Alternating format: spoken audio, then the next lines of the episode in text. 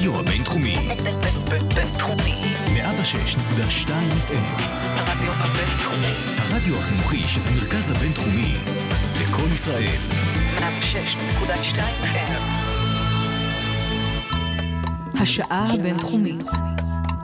רצועת האקדמיה של הרדיו הבינתחומי.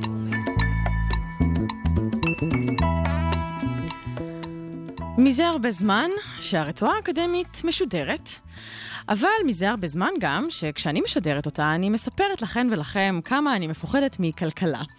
אז uh, הנה לי עוד הזדמנות, כאן ברדיו הבינתחומי, 106.2 FM. אני גיל מרקוביץ', הזד... הזדמנות נוספת להתמודדות עם הפחד הנורא שלי מהתחום הזה שנקרא כלכלה. ואיתי באולפן, אחד ויחיד, האמת יש לומר, פרופסור שחר קריב, ראש המחלקה לכלכלה באוניברסיטת ברקלי, שעסוק פה בלצחוק. Uh, הוא עוסק בתורת ההחלטות ותורת המשחקים, גם בפן התיאורטי וגם uh, פרקטית, ניסויים, כלומר, פרקטית אקדמי, כן? אז היי. שלום. אז אני רואה שאני מצחיקה אותך, כי כל... מאוד, מאוד. כן, כל העיסוק שלך בעצם הוא ממש אה, מרתיע אותי, ואנחנו נתמודד עם הדבר הזה כאן. אה, אבל לפני שאנחנו צוללים, אני רוצה גם לשאול אותך קצת על אה, מה קרה שם ב-1995 או 4, כשהחלטת ללמוד, נכון? התחלת את הלימודים שלך. איך הגעת לכלכלה? זה היה ידוע מראש? תמיד היית ריאלי קצת יותר, למרות שזה מתחום מדעי החברה. נו, שאלה טובה, אני חושב אה, מקריות, האמת. אה, אוקיי. הייתי, ב... הייתי בשירות אה, קבע ארוך, והאמת היא שהקורס היחיד שהסתדר בשנת הקבע האחרונה שלי היה מבוא לכלכלה, אז. מקריות מוחלטת. כן, או... מקריות מוחלטת. ואני למדתי באוניברסיטת תל אביב, ובאותה תקופה, אולי גם היום, היה תוכנית שנקראתה, אני חושב, Jump Start, שהם הסתכלו על האנשים שהצליח להם במבוא לכלכלה, והריצו אותם מהר לעשות אה, גם אה, קורסים בתוכנית ה-MA. אז אה, זה תפס אותי, וגמרתי את, את ה-BA, והתחלתי את ה-MA, ואחרי ארבע שנים נסעתי לדוקטורט בארצות הברית. Mm, אבל גם את ה-MA שלך לא עשית בארץ. כן, קודם כל, MA בכלכלה ברוב האוניברסיטאות בארצות הברית לא קיים. מקבלים את ה-MA אה, אחרי שמסיימים את השנתיים הראשונות של תוכנית הדוקטורט, שהן בדרך כלל שנתיים של קורסים. תוכנית הדוקטורט מורכבת, מ- בכלכלה לפחות, מורכבת משנתיים שהם קורסים, ולאחר מכן מתחילים לעשות מחקר, וכאשר אתה גומר, מסיים את השנתיים הראשונות של הקורסים, אז אתה מקבל תואר MA. אוקיי. על הדרך. ואז אתה בעצם, אה, באמת, כמו שאמרת, נוסע לארצות הברית, לברקלי? אני נוסע ב-98, אני יוצא לדוקטורט, כן. מתוך uh, מטרה, זאת אומרת, לא חשבתי מימיי שאני אמצא את עצמי מחוץ לישראל תקופה כל כך ארוכה, עכשיו 17 שנה. יצאנו ב-98, ב-2003 סיימתי את הדוקטורט וקיבלתי משרה בברקלי, כן. וזהו. רגע, אבל אתה אומר, אף פעם לא חשבתי שאני אמצא את עצמי כל כך הרבה זמן מחוץ לישראל. השאלה שלי זה אם חשבת שתמצא את עצמך כל כך הרבה זמן בתוך האקדמיה. זה אה. משהו שחשבת עליו כקריירה? לא, לא חשבתי. אני, האמת היא שאני באמת uh, הסתכלתי על זה בצורה הנכונה, שאני עכשיו גם מנסה סטודנטים שיסתכלו על זאת בצורה הזאת, שאני הסתכלתי על לימודי הדוקטורט כתצרוכת, לא כהשקעה. אה. ופשוט uh, זה עניין אותי, ובאמת, חשבתי שזו הזדמנות נהדרת. Uh, המחקר בעיקר או ההוראה יותר? המ- המ- המחקר בעיקר, אבל, אבל גם ההוראה. היום כבר בעיקר גם ההוראה? אבל בעיקר המחקר. אוקיי, אז uh, באמת אנחנו מדברים על כבר 17 שנים בארצות הברית, ובאמת באותה אוניברסיטה, נכון? או שהיו גם גיחות? לא, לא, לא, היה- היו גיחות, הייתי בשנת שבתון בפרינסטון, הייתי בשבתון בסטנפורד, ביקרתי במקומות אחרים, הייתי בשנת שבתון מאוד מהנה פה, בבינתחומי, Mm. אבל כן, התחלתי בברקלי ועדיין בברקלי. כן, אז חשוב גם לציין, אם כבר אמרת, הזכרת כאן את הבינתחומי, שאתה גם עכשיו בעצם בשורט ויזיט כזה, אה, בעצם בשביל, אני מניחה, גם בשביל ללמד אה, במרכז, אז אתה נותן איזשהו קורס אה, קצוב כזה ומהיר. אז מי, הייתי כאן בשנת שבתון ב-2011, ומאז אני באמת מקפיד להגיע כל שנה כדי לתת מיני קורס. את המיני קורס הזה נתתי בהרבה מקומות אחרים בעולם, נתתי אותו ב... באירופה בהרבה מקומות, באוסטרליה, באסיה, אבל אני מקפיד לחזור הנה כל שנה לתת אותו, ואני מוצא בזה אה, הנאה גדולה. בבית הספר הבינלאומי באנגלית או בבית ספר? אה, לא, הקורס אה, נעשה... לא, הקורס הוא בעברית. אוקיי, אז בבית הספר לכלכלה הרגיל במרכאות. הרגיל. כן. אה, אוקיי. אז uh, אני רוצה שככה אולי, uh, אולי ננסה להתמודד עם, ה, עם הפחדים שלי, אבל רגע לפני, uh, אני חושבת שאני נחשפתי, uh, וזה ממש כמובן מהזווית האישית שלי, אני חושבת שאני נחשפתי הארדקור לכלכלה כשבעצם הכרתי את התחום הנגדי לו. כלומר, כשאני שמעתי על מה זה כלכלה התנהגותית והתחלתי להבין במה מדובר, שזה נובע מפסיכולוגיה, תק, תקן אותי אם אני טועה, uh, אז התחלתי לשאול את השאלות, רגע, כל הזמן כתוב שזה נורא שונה ממה שעד היום ידענו וכולי וכולי. אז מה בעצם עד היום ידענו? ואז ככה התחלתי לשאול את השאלות ולהתעניין.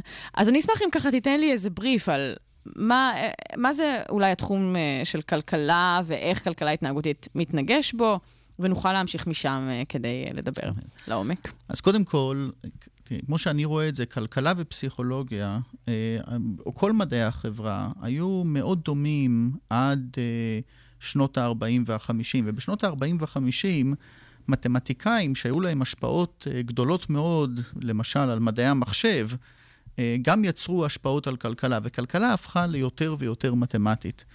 עכשיו, אני חושב שההבדל הגדול, כלכלנים ופסיכולוגים, נוכל לדבר על זה אחר כך יותר, אני חושב מתעניינים באותם תחומים.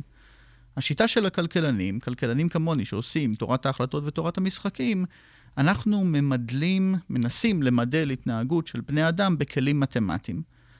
וכאן אני חושב גם המורא או הפחד שלך, זה פשוט פחד מהשפה שאנחנו מדברים. אבל לא, אני לא חושב שהתכנים הם שונים. עכשיו, למה אנחנו משתמשים בשפה מתמטית? אנחנו משתמשים בשפה מתמטית, הסיבה היחידה שאנחנו משתמשים בשפה מתמטית, שהשפה המתמטית היא מאוד מאוד מדויקת. ולכן, כאשר אנחנו כותבים משהו בצורה של מודל מתמטי, אין שום אי-ודאות לגבי מה שאנחנו מתכוונים. עכשיו, נשאלת בהחלט השאלה, האם ניתן למדל התנהגות אנושית בכלים מתמטיים? לעניות כן. דעתי, אפשר למדל. כן, ודאי עכשיו, שאתה תאמר שכן. היא לא, אבל מעבר לזה, תראי, אה, תורת הכבדה, כוח הכבדה, את מסכימה איתי שתורת הכבדה היא, זה, זה the theory of gravity, היא תיאוריה נכונה, היא תיאוריה מתמטית נכונה, אבל אם תנסי אותה בעולם האמיתי, אף פעם לא יצא ניסוי שבדיוק תורת הכבדה תצליח. אנחנו יכולים לעלות פה על כל בניין גבוה ולהתחיל להשליך דברים למטה. תמיד אנחנו נמצא שתורת הכבדה היא, תורת הכובד היא תורה לא נכונה. עכשיו, במובן הזה אני חושב שגם תיאוריות בכלכלה הן לא נכונות. הרבה פעמים אנחנו כותבים תיאוריות to make a point. וכמובן, ההנחות של המודל לא מתקיימות בעולם האמיתי. או בעולם האמיתי יש כמובן הרבה דברים אחרים שמשפיעים על ההתנהגות של האנושית. אבל זה עדיין לא אומר שהתיאוריה לא נכונה. כן. כאשר מפשיטים מהעולם האמיתי הרבה מאוד רעש, אזי התיאוריה עובדת. עכשיו, הרבה מאוד פעמים, זה עוד דבר שיש הבדל גדול מאוד בין פסיכולוגיה וכלכלה, הרבה מודלים שאנחנו כותבים בכלכלה, אנחנו בעצם מנסים להיות strong and wrong. אנחנו חושבים שעדיף מודל שנותן פרדיקציה מאוד מאוד מדויקת בכלים מתמטיים, והמודל, אנחנו יודעים, הוא אינו נכון. אבל strong and wrong אפשר ללמוד ממנו יותר מאשר sometimes, sometimes right, sometimes wrong. אוקיי, okay, וואו, מורכב. נשמע כאילו צריך לעשות הרבה מאוד עבודת uh, הכנה מנטלית לזה שעובדים עם משהו שהוא בבסיס אולי לא נכון, או, ואולי אפילו, אולי בטוח לא נכון, כן? כלומר... אה, כן, בהחלט. זה בהחלט. הרבה, הרבה עבודה אה, של איך לגשת למחקר, אני בהחלט. מרגישה. אוקיי, ואז ה... בעצם על מה הכלכלנים מבססים את התשובות, אה, סליחה, הפסיכולוגים, על מה הפסיכולוגים מבססים את התשובות שלהם, אם, אה, אם אתם משתמשים בכלים מתמטיים נאמר, אז מה עושים הפסיכולוגים? תראי, אני חלילה לא רוצה להגיד, להגיד, מה, להגיד מה אחרים עושים, אבל תראי, גישתנו, השקפתנו, שניתן לבנות מודל שהוא יהיה בעצם מטריה, כאשר נכנע, ניתן להכניס את כל האנשים מתחת למודל. אני חושב שפסיכולוגים יגידו שכל אדם בפני עצמו זה מודל בפני עצמו. לא ניתן לבנות מודל שהוא יהיה מה שנקרא overarching, זה mm-hmm. בעצם יהיה מודל שימדל את כולם. אנחנו מנסים לכתוב מודלים שהמודלים הם מודלים ש... מאפשרים הטרוגניות בין אנשים, אבל עדיין כולם נכנסים מתחת למודל. זה מהצד התיאורטי. מהצד האמפירי, יש לנו כלים אמפיריים שונ, אה, שונים לחלוטין כן. אה, בלבדוק אה, את נכונות המודלים או התיאוריות שלנו. אוקיי, אנחנו תכף נמשיך עם זה ונ- וננסה אולי להבין יותר, וגם אחר כך אני אשאל אותך קצת, uh, כדי שאני אבין על מה אתה מדבר, אה, את, uh, קצת יותר על תורת המשחקים ודברים שאתה באמת uh, מתעסק בהם ביום-יום. Uh, אבל בחרת כמה שירים, ואני רוצה שנהנה מהם. אז uh, השיר הראשון שנשמע יהיה Road to Nowhere, וזה ה-Talking Heads. יש לך איזשהו משהו להגיד על הבחירות שלך? כן, שאתה- זה הרגשה שתמיד, אה, הרבה פעמים יש לך במחקר, שאתה לא יודע איפה אתה, והרבה פעמים יש הרגשה, you are on the road to nowhere. מעולה, אז לחיי הסקרנות והניסיונות. Well, we know where we're going, but we don't know where we've been.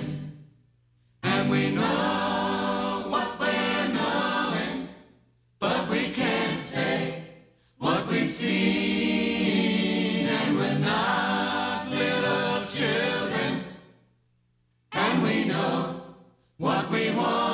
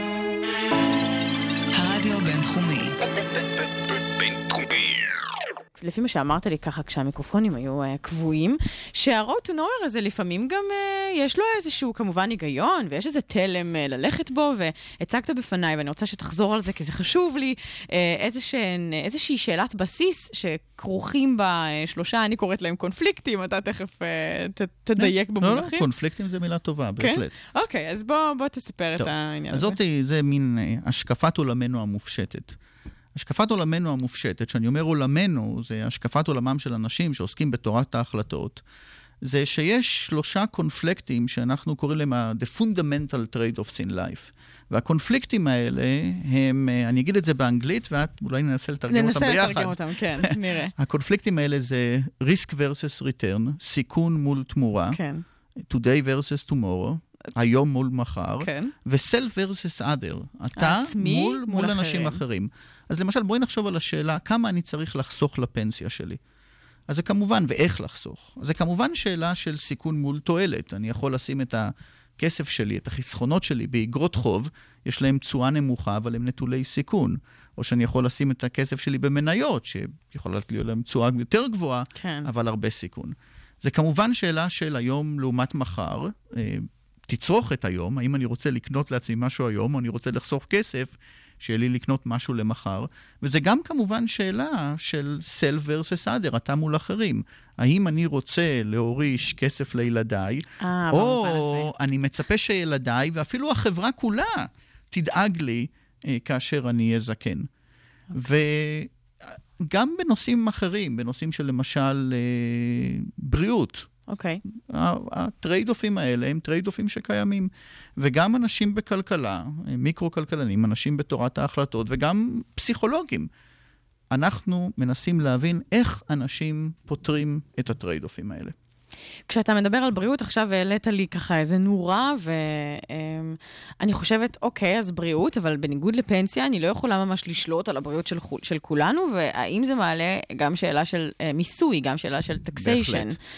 בהחלט. אז ה trade-off הזה של self versus other, זה בעצם ה trade-off שבראייתנו קובע לך את השקפת עולמך לגבי כל מיני שאלות שקשורות למיסוי וחלוקה מחדש של הכנסות. אמ, ובתוך העניינים של מיסוי, אז כמובן יש את העניין של ביטוח בריאות ממלכתי וביטוח נגד אה, אה, unemployment ודברים שונים, ואין ספק שזה זה הבעיות הגדולות ביותר של דורנו. כן. אמ, הבן שלי, שהוא בן שמונה, אה, בא אליי עם שאלה ששאלו אותו בבית ספר, שאני חשבתי שזו שאלה יוצאת דופן. המורה שאלה אותם, תחשוב שאתה הולך לבד ברחוב, שזה כבר קצת לא ריאלי, בייחוד באמריקה, אבל, אבל אתה... אמרנו שאפשר ללמוד גם מדברים לא ריאליים. זה נכון. אז אתה הולך לבד ברחוב, ונוחת לידך יצור מכוכב אחר. ריאלי מאוד. והיצור שואל אותך, אומר לך את הדבר הבא, אני לא יכול לנשום פה, יש לי פה רק 60 שניות. תספר לי מה אני צריך לדעת על הכדור. וואו, שאלה יפה לילד. בן שמונה, נכון? מאוד. אז כמובן, לא אמרתי לו, אבל מה שרציתי לענות לו, אני הייתי אומר ליצור, אדוני היצור, אתה הגעת למקום שלעשרה אחוז מהיצורים יש 90 אחוז מהמקורות. זה מה שנקרא inequality, זה העולם שלנו. ואני חושב שהיצור היה אומר לי, אני יכול להקשיב לך פה עוד 50 שניות, אבל אני עוזב עכשיו. כי זה מסוכן. זה פשוט דבר, זה, זה כן, מקום הוא מסוכן. המתרחק. זה מקום מסוכן. ולכן באמת העדפות האלה של self versus others, ו-other יכול להיות או אנשים מאוד קרובים אליך, כמו משפחה, או אנשים בקומיוניטי שלך, אבל זה גם יכול להיות אנשים מאוד רחוקים. אפריקה? למשל, בהחלט, אנשים רחוקים מאוד. אז הדברים האלה, אוקיי, אז כשאתה חוקר את הדברים האלה, אתה בדרך כלל חוקר אה, בתוך הקהילה האמריקאית, נקרא לה, בתוך, בתוך האוכלוסייה האמריקאית, או שאתה יוצא לכלכלות אחרות, או מנסה ל, אה, למדוד אה, ולחקור גם אה, כלכלה מסוימת כנגד כלכלה אחרת? אז ככה, אז קודם כל אנחנו כותבים תיאוריה. וכשאנחנו כותבים מודל תיאורטי, המודל תיאורטי שאנחנו כותבים, אנחנו, אין בו פרמטר מתמטי במודל שאומר זה לאוכלוסייה אחת או לאוכלוסייה שנייה. כן. המודל הוא applicable לכולם. עכשיו, חלק מהעניינים שאנחנו עושים, וזה כמובן צריך להבין, אה, מכיוון שהתיאוריות שלנו, יש בהן הנחות מאוד קיצוניות, אחת הדרכים לבדוק את הנכונות שלהם זה בניסויי מעבדה. אני קורא לניסויי מעבדה כמו מנהרת רוח. המטוס צריך בסוף להמריא מהמסלול בעולם האמיתי, אבל לוקחים את המטוס ושמים אותו בהתחלה במנהרת הרוח, כדי לבדוק איך המטוס עובד. כך אנחנו בודקים את המודלים שלנו. ועשינו ניסויים שקשורים להבנה של העדפות האלה, העדפות החברתיות האלה, עשינו אותם גם בארצות הברית, אבל גם במקומות, אה, וגם במקומות אחרים בעולם. וזה אומר, כשאתם עושים את הניסויים האלה, אתם כן משתמשים ב database, במידע שהוא אה, אה, הרבה פעמים, זאת אומרת, כן לקוח מהמציאות, אם זה נתונים ממש. בהחלט. עכשיו, פה יש הבדל גדול בין כלכלה לפסיכולוגיה. וההבדל הוא כזה, שאנחנו גם בפסיכולוגיה עושים ניסויים. מהמם. אז קודם כל, הניסויים שלנו הם, הם תמיד ניסויים שיש להם מה שאנחנו קוראים pair of consequences. ההחלטות שאת לוקחת הן החלטות, ואנחנו משלמים, ועל סמך ההחלטות שאת לוקחת, את, את יכולה להרוויח כסף, ואנשים אחרים יכולים להרוויח כסף. אוקיי. בואי אני אתן לך דוגמה. כן. בואי נחשוב על העדפות הסביבתיות שלך. למשל, תגידי לי, כמה את אוהבת דולפינים מ-1 עד 10? אמ, תחשבי. אמ, זו נגיד- שאלה של פסיכולוגים. כלכלן, דרך אגב, אף פעם לא ישאל את השאלה הזאת. אוקיי. אבל שאלתי. אז קורה פה משהו תקדימי. אמ, אה, לא יודעת, נגיד שש? שש, וכמה את אוהבת כרישים, גם מ-1 עד 10? בהנחה שלא פגשתי אף אחד מהם, נגיד ארבע? ארבע.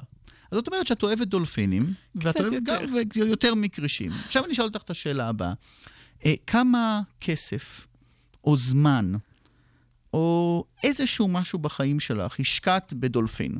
נגיד, בקפה השקעת, נכון? קנית בוקר קפה, אז השקעת מספר שקלים בודדים בקפה. אוקיי. כמה השקעת אבל בדולפין? אתה שואל. אני מניחה שאף פעם. כלום. כלום. ובכריש? אני מניחה שגם כלום. גם כלום. אז, את רואה, אז על פי העדפות שאת מדווחת לי, את מדווחת לי שאת די אוהבת דולפינים ודי אוהבת כרישים, אבל על פי המעשים שאת עושה, אין שום... אני רואה שאין לך בעצם, you are מה שאנחנו קוראים indifferent. אהה, אני. אדישה. את אדישה. ה- ולכן בהרבה מאוד ניסויים שעשינו, ב- למשל, להעדיף- להעדפות חברתיות, אנשים קיבלו כסף, והם יכלו לחלק את הכסף, לקחת את הכסף לעצמם, כן. או לתת יותר כסף. זאת אומרת, למשל, נתתי לך עשרה שקלים, את יכולה להחזיק את העשרה שקלים אצלך, אבל כל שקל שאת תחליטי להעביר לאדם רנדומלי אחר, אני אכפיל בשלוש. אז זאת אומרת שיש... לאותו אדם? לאותו אדם. אז זאת- כלומר, אני נתתי לו שקל, הוא יקבל שלושה. שלושה. אז אם למשל נתת לו את כל העשרה שקלים שלך, הוא יקבל 30 שקל. אם החלטת לתת לו רק חמישה שקלים מתוך העשרה שלך, אז תהיה לך חמישה שקלים ולא יהיה 15 שקלים. כן. זה, זה דוגמה של ניסויים שעשינו בכל העולם עם אוכלוסיות, ודרך הניסויים האלה ניתן להבין את העדפות החברתיות של האנשים. ובאחד המחקרים האחרונים שלנו הראינו שהעדפות החברתיות של אנשים כתוצאה מהניסויים האלה, עם מדגם גדול מאוד בארצות הברית, אה, מסביר האם את, אה, את ההצבעה שלהם, האם הם דמוקרטים או האם הם רפובליקנים. את הקשר לשייכות המפלגתית, את אתה אומר. הקשר לשייכות המפלגתית ולהצבעות שלהם, כאשר הדמוקרטים בארצות הברית הם כמובן יותר מזוהים עם מדיניות כלכלית שמורידה את רמת האי-שוויון, והרפובליקנים יותר מזוהים עם מדיניות כלכלית שמעודדת צמיחה.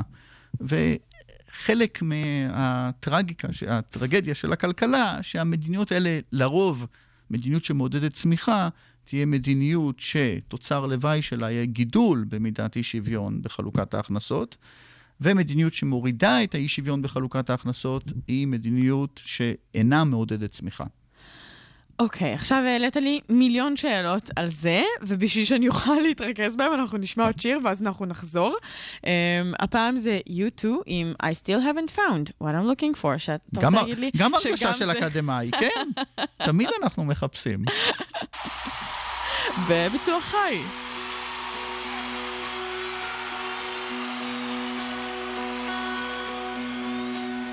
I hear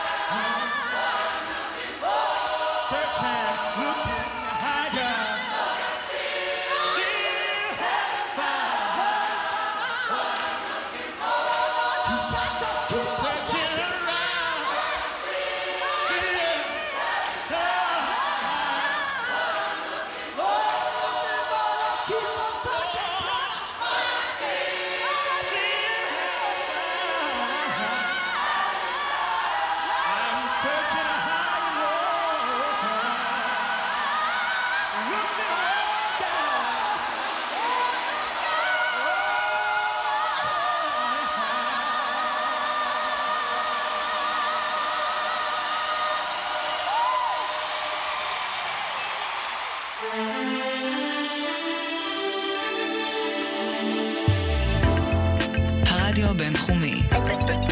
בינתחומי. 106.2 FM. הרדיו בבינתחומי. הרדיו החינוכי של המרכז הבינתחומי זה קול ישראל. 106.2 השעה הבינתחומית. רצועת האקדמיה של הרדיו הבינתחומי. שחר, אני חייבת להגיד שהביצוע הזה מצא חן בעיניי. הרבה גוספל וסול היה שם. אז זה נחמד שככה יצא לנו. אז אנחנו במחצית השעה, הרדיו הבינתחומי, הרצועה האקדמית, פרופסור שחר קריב איתי באולפן, ואנחנו מתמודדים עם המורה שלי, קראת לזה מכלכלה. אבל די, אני כבר יותר בעניינים, ולאור מה שאמרת ב... אה, ב... ככה לפני שהשמענו את השיר, אה, לגבי השייכות המפלגתית, אה, שקשורה גם בהעדפות החלוקתיות של, של הנבחנים שלך שם, ב... שם רחוק בתפוצה בארצות הברית. אה, אז אני רוצה שקצת אולי אה, נתעכב על ההבחנה הזאת בין, אה, במאמר ככה זה מצוין כ-efficiency, נכון? מול, אה, מול inequality. נכון. אז אמרת שיש קשר בין תוצר גדול יותר או לבין הגדלת הפערים, ואני רוצה להבין למה זה קורה. למה זה קורה? אז האמת היא, הדרך הכי טובה לדעתי להסתכל על זה, זה בצורה מאוד פשטנית. בוא נניח שיש לך שני ילדים, וילד אחד מאוד מאוד מוצלח, ואחד קצת פחות מוצלח. אוקיי. ויש לך uh, תקציב מוגבל להוציא על החינוך שלהם. איך תחלקי את תקציב החינוך בין הילד המאוד מאוד מוצלח והילד הקצת פחות מוצלח? עכשיו, יש... יש מלא, עולות לי מלא אפשרויות. אז זהו. אז יש, אז השאלה המרכזית היא, האם תוציא עליהם שווה בשווה, אוקיי. או תוציא יותר כסף על הילד הפחות מוצלח, כי הוא צריך יותר עזרה, או תוציא יותר כסף על הילד המוצלח, על מנת לנצל את הפוטנציאל שלו. מהמם. אז אה, גם אה, פילוסופים, אה, האמת... כן, זה בדיוק מה שרציתי להגיד, נכון, שזה ממש נכון, גם סיטואציה אתית מוסרית. בדיוק, אבל זה גם סיטואציה כלכלית. כי אם את היית רוצה למקסם את ההכנסות העתידיות של שני הילדים שלך, כמובן מה שכדאי לך לעשות, את סכום ההכנסות העתידיות שלהם, כדאי לך להשקיע את כל תקציב החינוך שלך בילד היותר מוצלח, ואולי להגיד לו שביום מן הימים הוא יצטרך לדאוג לאח שלו הפחות מוצלח. Mm.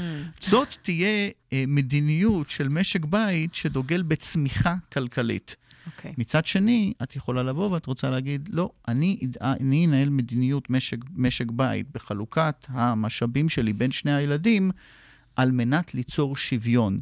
ואם יש לך אה, רצון אה, לשוויון, אזי את, או ממש רצון קיצוני לשוויון, את תוציאי הרבה יותר משאבים על הילד הכי פח, פחות מוצלח, הפחות מוצלח. על מנת לגרום לו להיות בדיוק כמו הילד המוצלח. אבל אז, סכום ההכנסות העתידיות של שני הילדים שלך יהיה נמוך בהרבה, כי בעצם הוצאת את המשאבים שלך על הילד הפחות מוצלח. האם זה באמת נכון? לא יכול להיות שהילד המוצלח, נגיד, אתה יודע, יעבוד נורא קשה, ישקיע ב... אתה יודע, לא יודעת, האם זה- העולם באמת אז עובד אני חושב שבאמת- בגישה אז הזו? זה- זה- והנתונים זה- מוכיחים את זה. ה- קודם כל, הנתונים מוכיחים את זה, וצריך, צריכים להבין, ואני חושב שזה דבר שהציבור צריך להבין, קשה מאוד להגדיל את העוגה ולגרום לה להתחלק בצורה יותר שווה. אם מנהלים מדיניות שנועדה לחלק את העוגה בצורה יותר שווה, אני לא אומר שהיא בהכרח תקטין את העוגה, אבל היא לא תגדיל אותה בפוטנציאל שניתן להגדיל אותה. וכמובן, זה שאלות אתיות מוסריות מאוד חשובות. בארצות הברית יש כמובן אה, אה, אסכולה בשנים האחרונות במדיניות החינוך שנקראת No Kid Left Behind. אבל זה בעצם אומר שמוציאים סכומים גדולים ומשמעותיים על הילדים אה, שהם אה, לא הילדים שיהיו היזמים החדשים של אה, גוגל כן. בעוד 20 שנה. ולכן, בהחלט, יש פה trade off מאוד כואב ומאוד רציני. האם אבל זה באמת כואב כשאנחנו מדברים, כשאנחנו עושים zoom out ולא מדברים על אה, אם ואב ושני ילדיהם, אלא כשאנחנו עושים zoom out ומדברים על מדינה או על כלכלה עולמית, על כמה שחקניות גדולות אה, כמדינות? ללא, ללא צל של ספק. כן, כלומר, למה זה משנה לי ש... בואי, אה, שנגדיל את העוגה הכלכלית? אפילו- למה, למה שלא יהיה לי הרבה יותר חשוב שנאזן קודם, ואז ננסה לגדול, כמובן יותר לאט. אז בואי, בואי נסתכל על זה אפילו ב, על מנת להפוך את הטרייד-אופים שיש לנו פה ליותר מוחשיים. אוקיי. ברוב המדינות המערביות, התקציב הגדול ביותר שיוצא כאחוז מההכנסה הלאומית הוא תקציב הבריאות. ובעצם בתקציב הבריאות, יש פה, גם היום, עכשיו בישראל יש, אני מבין, דיונים על אה, האכלת חסד, או שצריכים להאכיל חולים. הרבה מאוד מתקציב הבריאות הזה, לא ניכנס למספרים, יוצא על אנשים בז, ב- ממש בסוף חייהם. כן. ובעצם אנחנו משקיעים בכל אדם אה, בדיוק אותו דבר. האם אנחנו באמת צריכים לעשות את ההשקעה? האם תק- תקציב הבריאות נועד להאריך את החיים של כל האוכלוסייה, או לגרום להאריך את החיים של כל האוכלוסייה בצורה שווה? עכשיו, יכול להיות שאנחנו צריכים לבוא ולהגיד, אנחנו צריכים לקחת תקציבי בריאות מאנשים שהם לקראת סוף ימיהם, ולהעביר אותם לתקציבי בריאות, למשל לבריאות של ילדים שהם בתחילת חייהם. ואם מסתכלים על זה מחוץ לפרספקטיבה של מדינה, בפרספקטיבה יותר עולמית, אנחנו כ- כחברה, כבני אנוש, מוציאים סכומים אדירים על אנשים בערוב ימיהם במדינות מפותחות, ובזמן שילדים... אה, במדינות מתפתחות. מתפתחות, מתים, שאפשר היה על נקלה לעזור להם. אז הטרייד-אופים האלה הם תמיד קיימים, הם יהיו קיימים בכל דבר, ול, ולצערנו, רוצים יותר גדול, זה יהיה פחות שווה. רוצים יותר שווה, זה יהיה פחות גדול, ואפילו אפשר להסביר את זה במונחים מתמטיים פשוטים ביותר. בואי נגיד שאת פי עשר יותר עשירה ממני. אוקיי. והתוצר צומח בעשרה אחוז, ובואי נגיד שהוא צומח בצורה שווה, אז את צומחת בעשרה אחוז, ואני צומח בעשרה אחוז, אבל פערי ההכנסות יגדלו, כי ההכנסה, עשרה אחוז משלך זה הרבה יותר גדול. כן. אוקיי, כן, שוב, אבל באמת בדוגמה של המדינה, אני יכולה יותר... אני עכשיו יכולה להבין את הפרובלמטיות של זה, כי ברמה של אתה versus me, אני יכולה ככה להבין את זה בקלות, אבל הדוגמה של המדינה היא באמת אולי הדוגמה היותר בעייתית של איך מקבלי ההחלטות עושים את החישובים האלה ובוחרים לכאורה החלטה מוסרית לגמרי. בהחלט. אה, מה הם עושים, זאת אומרת, מה הם עושים עם הכסף, את מי מאכילים. יופי, אוקיי. אמ, עכשיו אני מבינה למה עדיף לכלכלן להישאר באקדמיה ולא ללכת להיות יועץ כלכלי באיזה מדיניות של... בהחלט, בהחלט. של איזה ממשל גדול. אוקיי, אמ, במחקר הזה ששוחחנו עליו מקודם, שמצאת אה, איזשהו קשר בין השייכות המפלגתית לבין באמת ההעדפה לאפישנסי מול אה, איניquality, יש לי שאלה נוספת. מצאתם עוד איזה שהם בעצם אה, כמו מעין... אה, מגדור, אני אגיד את זה, או מיון כזה, קלסיפיקציה של, אה, של אנשים. אז אה, לפי זה, עוד, אה, אז זה תחומים. באמת אחד הדברים שאני מאוד אוהב במחקר הזה. המחקר הזה נגע בנימים החשופים של האומה האמריקאית. באמת, השאלות האלה של מיסוי וחלוקת הכנסות, הן שאלות שהן בוויכוח קשה בארצות הברית, וכמובן גם במקומות אחרים. כן. ואחד הדברים שאנחנו אה, בדקנו בניסוי הזה, זה כמה אתה fair-minded. אוקיי. כמה אתה באמת אדם fair-minded. ויש שונות גדולה מאוד בקרב האמריקאים בכמה fair-minded הם. זה ברמת המודעות או ברמת ההוגנות? זה, ברמת, זה, בר, זה ברמה המאוד מאוד down to earth של איך אנשים שנותנים להם עשרה דולר ואומרים, תחלקו את העשרה דולר האלה ביניכם לבין אדם זר לחלוטין, כמה הם מחלקים. אוקיי, אז זה הוגנות. אז זה, הוגנ... אז זה הוגנות, ו...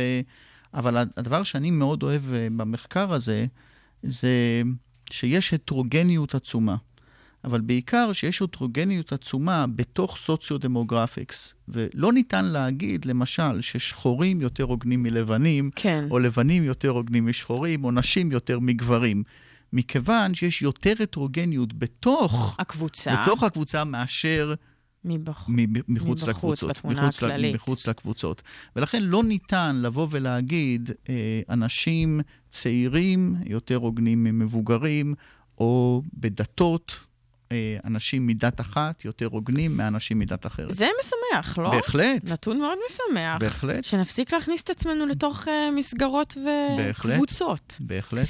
אבל בכל זאת היה, ואז אתה אומר, בעצם, בעצם הנתון שחשפת מקודם לגבי השייכות המפלגתית, בעצם חריג בהחלט. לעומת ה... מאוד קשה אה, לג... לתוצאות כאלה אה, שיהיה להם יכולת הסבר לשייכות מפלגתית. כי בשייכות מפלגתית יש בה הרבה מאוד דברים קובעים שייכות מפלגתית, מלבד העדפות החברתיות שלך. יש מדינות שהן דמוקרטיות, יש מדינות שהן רפובליקאיות, אנחנו יודעים שאנשים ממגדרים מסוימים יותר תמכו באובמה, למשל נשים יותר תמכו באובמה. Mm.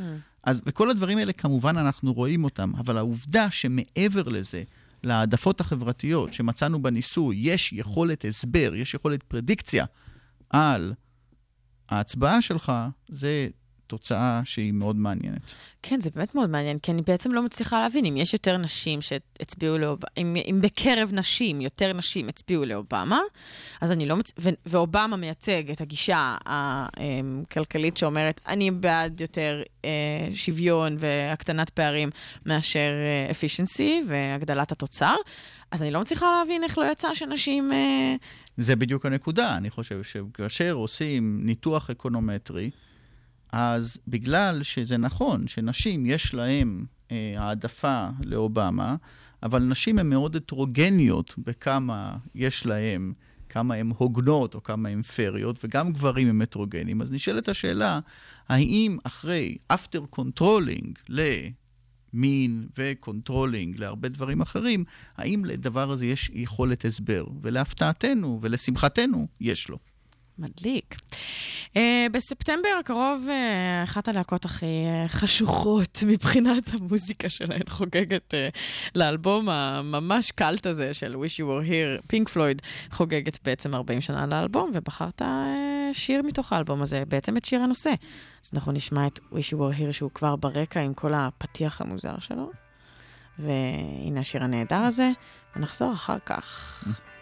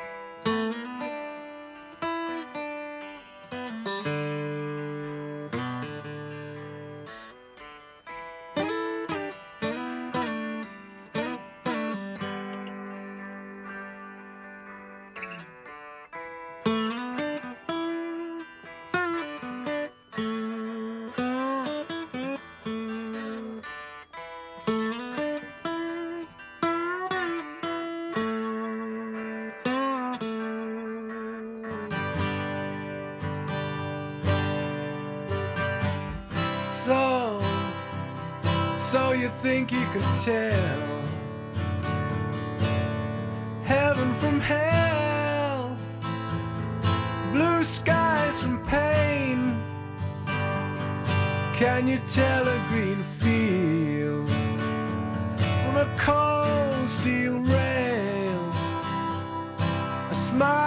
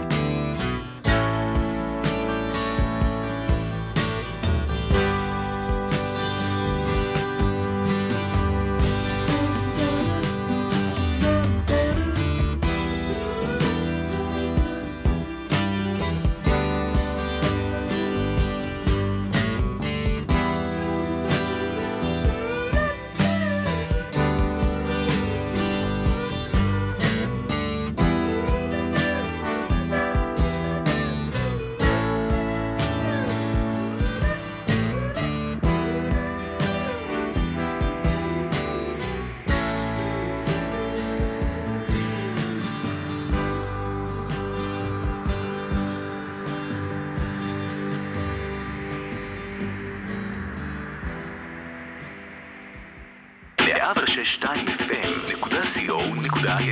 הרדיו הבינתחומי באינטרנט. באינטרנט. 106.2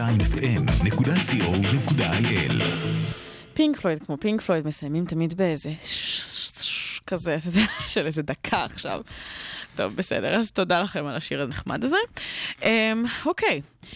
אמרנו המון דברים והתעסקנו אה, בהמון נושאים, ואני רוצה שככה אה, לקראת סיום אנחנו נשאל את אה, שאלת השאלות. שגם אה, גם כלכלה התנהגותית וכלכלה קלאסית מתנגשות בה הרבה, אה, אבל בעצם זה שאלת הרציונליות. אז אה, מה כלכלנים, אה, איך כלכלנים מגדירים מיהו רציונלי אה, וה... ומה זה בכלל? אני מתחילה לחשוב שהדבר הזה לא באמת... אה, לא. אז אה, לנו יש, אה, ניתן להסכים או לא להסכים, אבל לנו יש הגדרה מאוד אה, מדויקת מיהו רציונלי. ואני חושב שכלכלנים תמיד מואשמים שהם חושבים שאנשים הם סופר רציונליים. אה, קוראים לזה הומו אקונומיקוס. אוקיי. זה הפרט הזה מספרי הכלכלה שלא קיים. אבל שלא קיים. הפרט התיאורטי. הפרט התיאורטי מספרי הכלכלה זה שלא כמו קיים. המאזין, אה, המאזין הסביר, רואים שאני ברדיו. זה כמו האדם הסביר במשפטים, נכון, כן? שהוא לא בדיוק, באמת... אה, בדיוק. אז קודם כל, אני רוצה לציין שאני- שהייתי פה, הייתי בשנת שבתון בבינתחומי ב-2011, וסטודנט חביב בשם אה, תום זוהר, שאני מאוד שמח שהוא שנה הבאה יתחיל דוקטורט בסטנפורד. אה, וואו. הוא התקבל לברקלי והולך לסטנפורד ואני לא כועס. אני לא לוקח את זה אישית. אני לא לוקח את זה אישית, אני לא כועס. אה, תום ארגן אה, debate. כן. ביני לבין חבר מאוד טוב, אה, דן אריאלי, שאנחנו, דן הוא סלבריטי ומוכר, אז דעתו ידועה, שאנחנו כן. כמובן לא רציונליים. אני נכחתי בדיבייט הזה ב-2012. נכון שניצחתי? עכשיו אתה כבר, זה לא ממש אה, חוכמה, אתה משכנע אותי במשך שעה. אמ, ואני חושב שזה, אם מאזינים מתעניינים בזה, זה באמת, אני חושב, אה, זה debate טוב, ואני חושב שניצחתי. אה, בנוקאוט. כן, בנוקאוט. אוקיי. בנוקאוט. אמ, עכשיו, מה זה רציונלי? אדם רציונלי זה אדם שאם תיתן לו אה, מספר אפשרויות, הוא ידע לדרג אותם מהאפשרות הטובה ביותר לאפשרות הגרועה ביותר.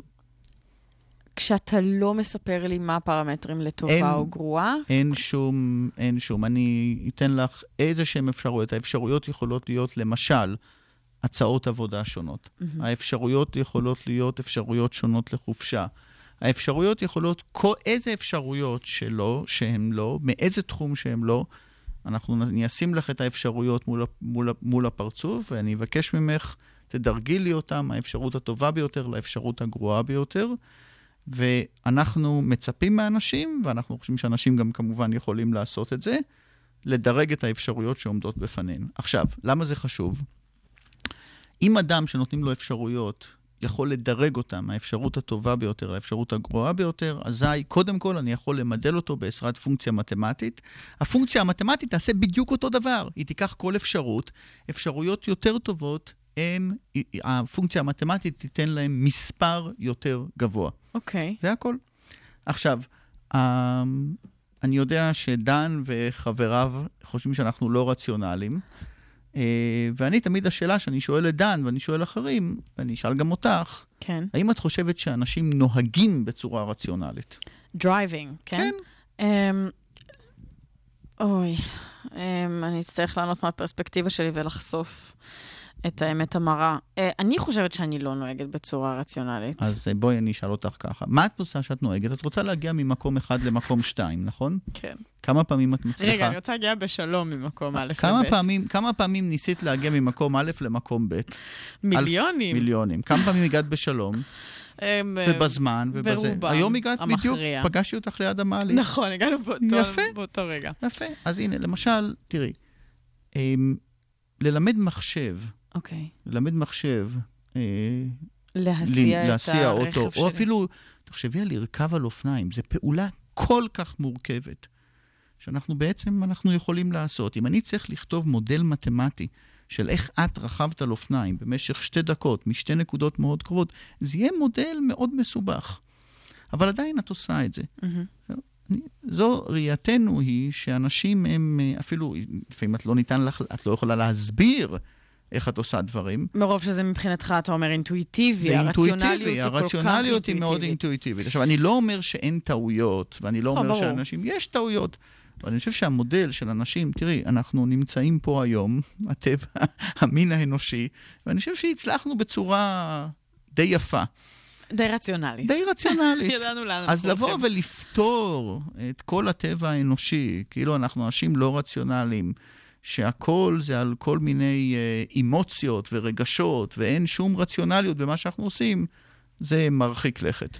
עכשיו, מה שאנחנו עשינו, את אה, המודל הרציונלי, אנחנו בדקנו בניסויי מעבדה, וראינו כמה אנשים הם רציונליים, אה, כאשר אנחנו נותנים להם מספר, הם מקבלים, אם אתה רציונלי, למשל, אתה 100, אז אני יכול להגיד, את קיבלת 88 במבחן הרציונליות. אוקיי. יותר חשוב מזה, אנחנו ראינו שאנשים שיש להם אה, ציון יותר גבוה במבחן הרציונליות שלנו, הם, יש להם יותר אושר בעין. לא באלף, יש הבדל גדול כן, בין כן, אושר כן. בעין לאושר נכון, באלף. נכון. אבל אה, אה, תראה, הרבה מאוד היום מהצלחה כלכלית, זה כמובן, כמו תמיד, עבודה קשה ודברים אחרים, אבל זה גם לקיחת החלטות פיננסיות נכונות. מהמם.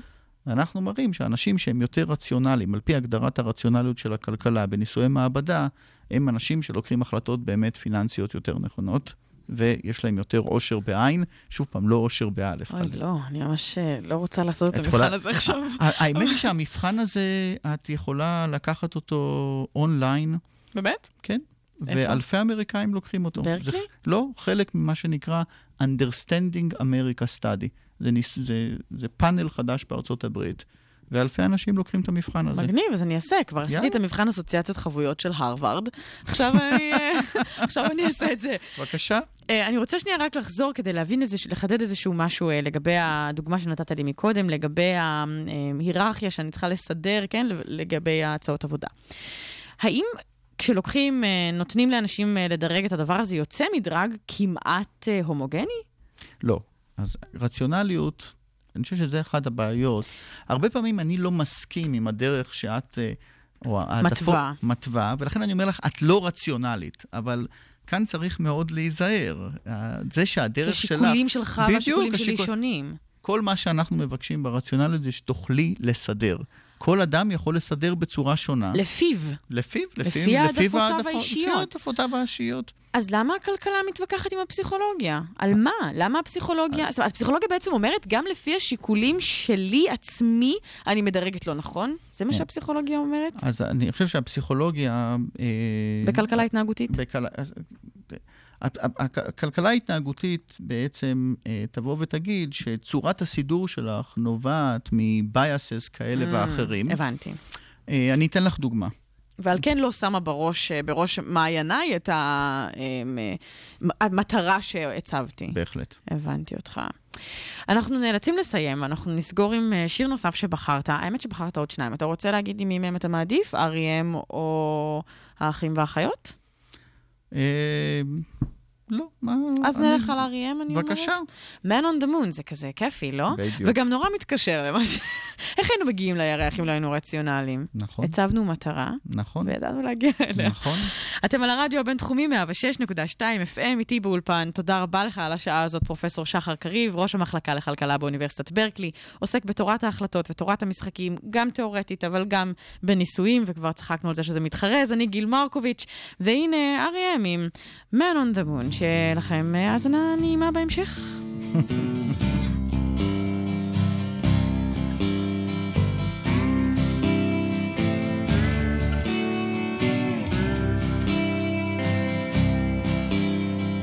Martha